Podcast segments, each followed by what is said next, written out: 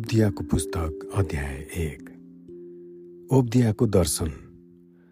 परमप्रभु परमेश्वर एदोमको बारे यसो भन्नुहुन्छ। हामीले परमप्रभुबाट यो सन्देश सुनेका छौँ। एकजना राजदूत जाति जातिका बीचमा यसो भन्न पठाइएको थियो। उठ हामी त्यसको विरुद्ध लडाइँ गर्न जाउँ। हेर म तँलाई जाति जातिहरूका बीचमा क्षुद्र तुल्याउनेछु। त अति नै तुच्छ हुनेछस् तेरो हृदयको घमण्डले तँलाई धोका दिएको छ। त चट्टानका धन्द्राहरू र अग्ला अग्ला ठाउँहरूमा बस्ने। मलाई तल जमिनमा खसाल्न कसले सक्छ? भनी आफ्नो मनमा भन्छस्।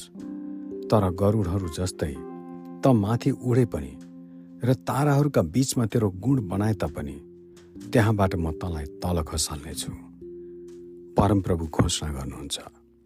यदि चोरहरू त कहाँ आए यदि डाकुहरू राति आए भने तेरो कस्तो सर्वनाश हुनेछ?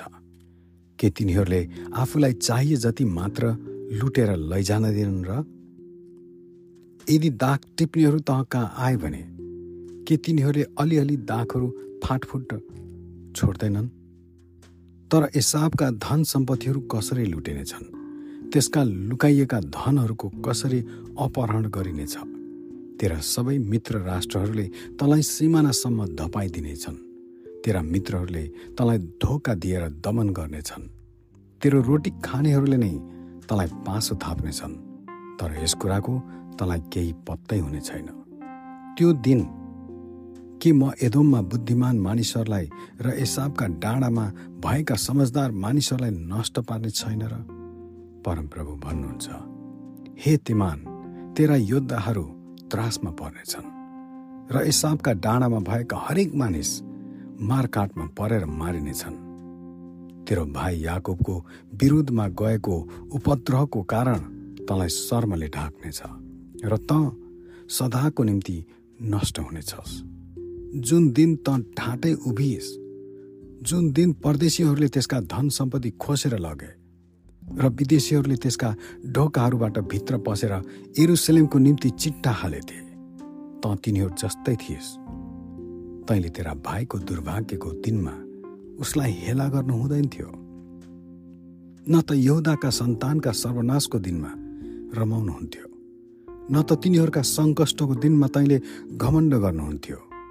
मेरो प्रजाका विपत्तिको दिनमा त तिनीहरूका ढोकाहरूबाट भित्र पस्नु हुँदैन थियो।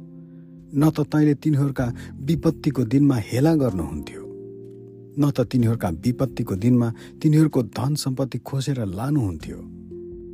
त्यसका भागेर गएकाहरूलाई मार्न त दो बाटोमा पर्खेर पर्खनु हुँदैन थियो न त त्यसका दुःखको दिनमा त्यसका बाँचेकाहरूलाई तैँले पक्राइदिनुहुन्थ्यो।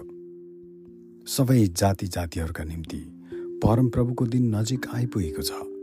तैँले जस्तो गरेको छस्। तँलाई पनि त्यस्तै गरिनेछ तेरा कार्यहरू तेरा आफ्नै थाप्लोमा फर्केर आउनेछन्। जसरी तैँले मेरो पवित्र डाँडामा पिइस त्यसरी नै सबै जाति जातिहरूले पनि सधैँभरि पिउनेछन्। तिनीहरूले पिइरहनेछन् र कहिले नभए जस्तै हुनेछ। तर सियोन पर्वतमा चाहिँ उद्धार हुनेछ। त्यो पवित्र रहनेछ।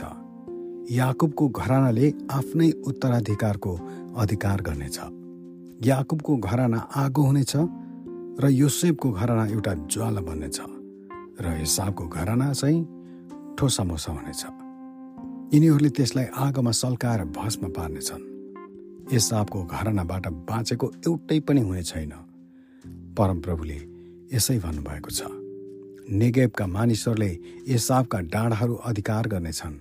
र डाँडाका फेदीका मानिसहरूले पनि पलिस्तीहरूको देश अधिकार गर्नेछन्।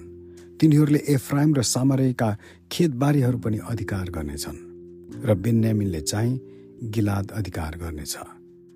इजरायलको एक समूहले जो निर्वासनमा गएर कनानमा छन् सार्पतसम्मको देश अधिकार गर्नेछन्।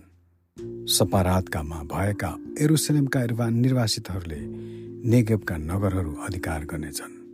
एसाबका डाँडाहरूको राज्य गर्नलाई उद्धार गर्नेहरू सियोन पर्वतमा उक्लेर आउनेछन् र राज्य चाहिँ परमप्रभुको हुनेछ। आमेन।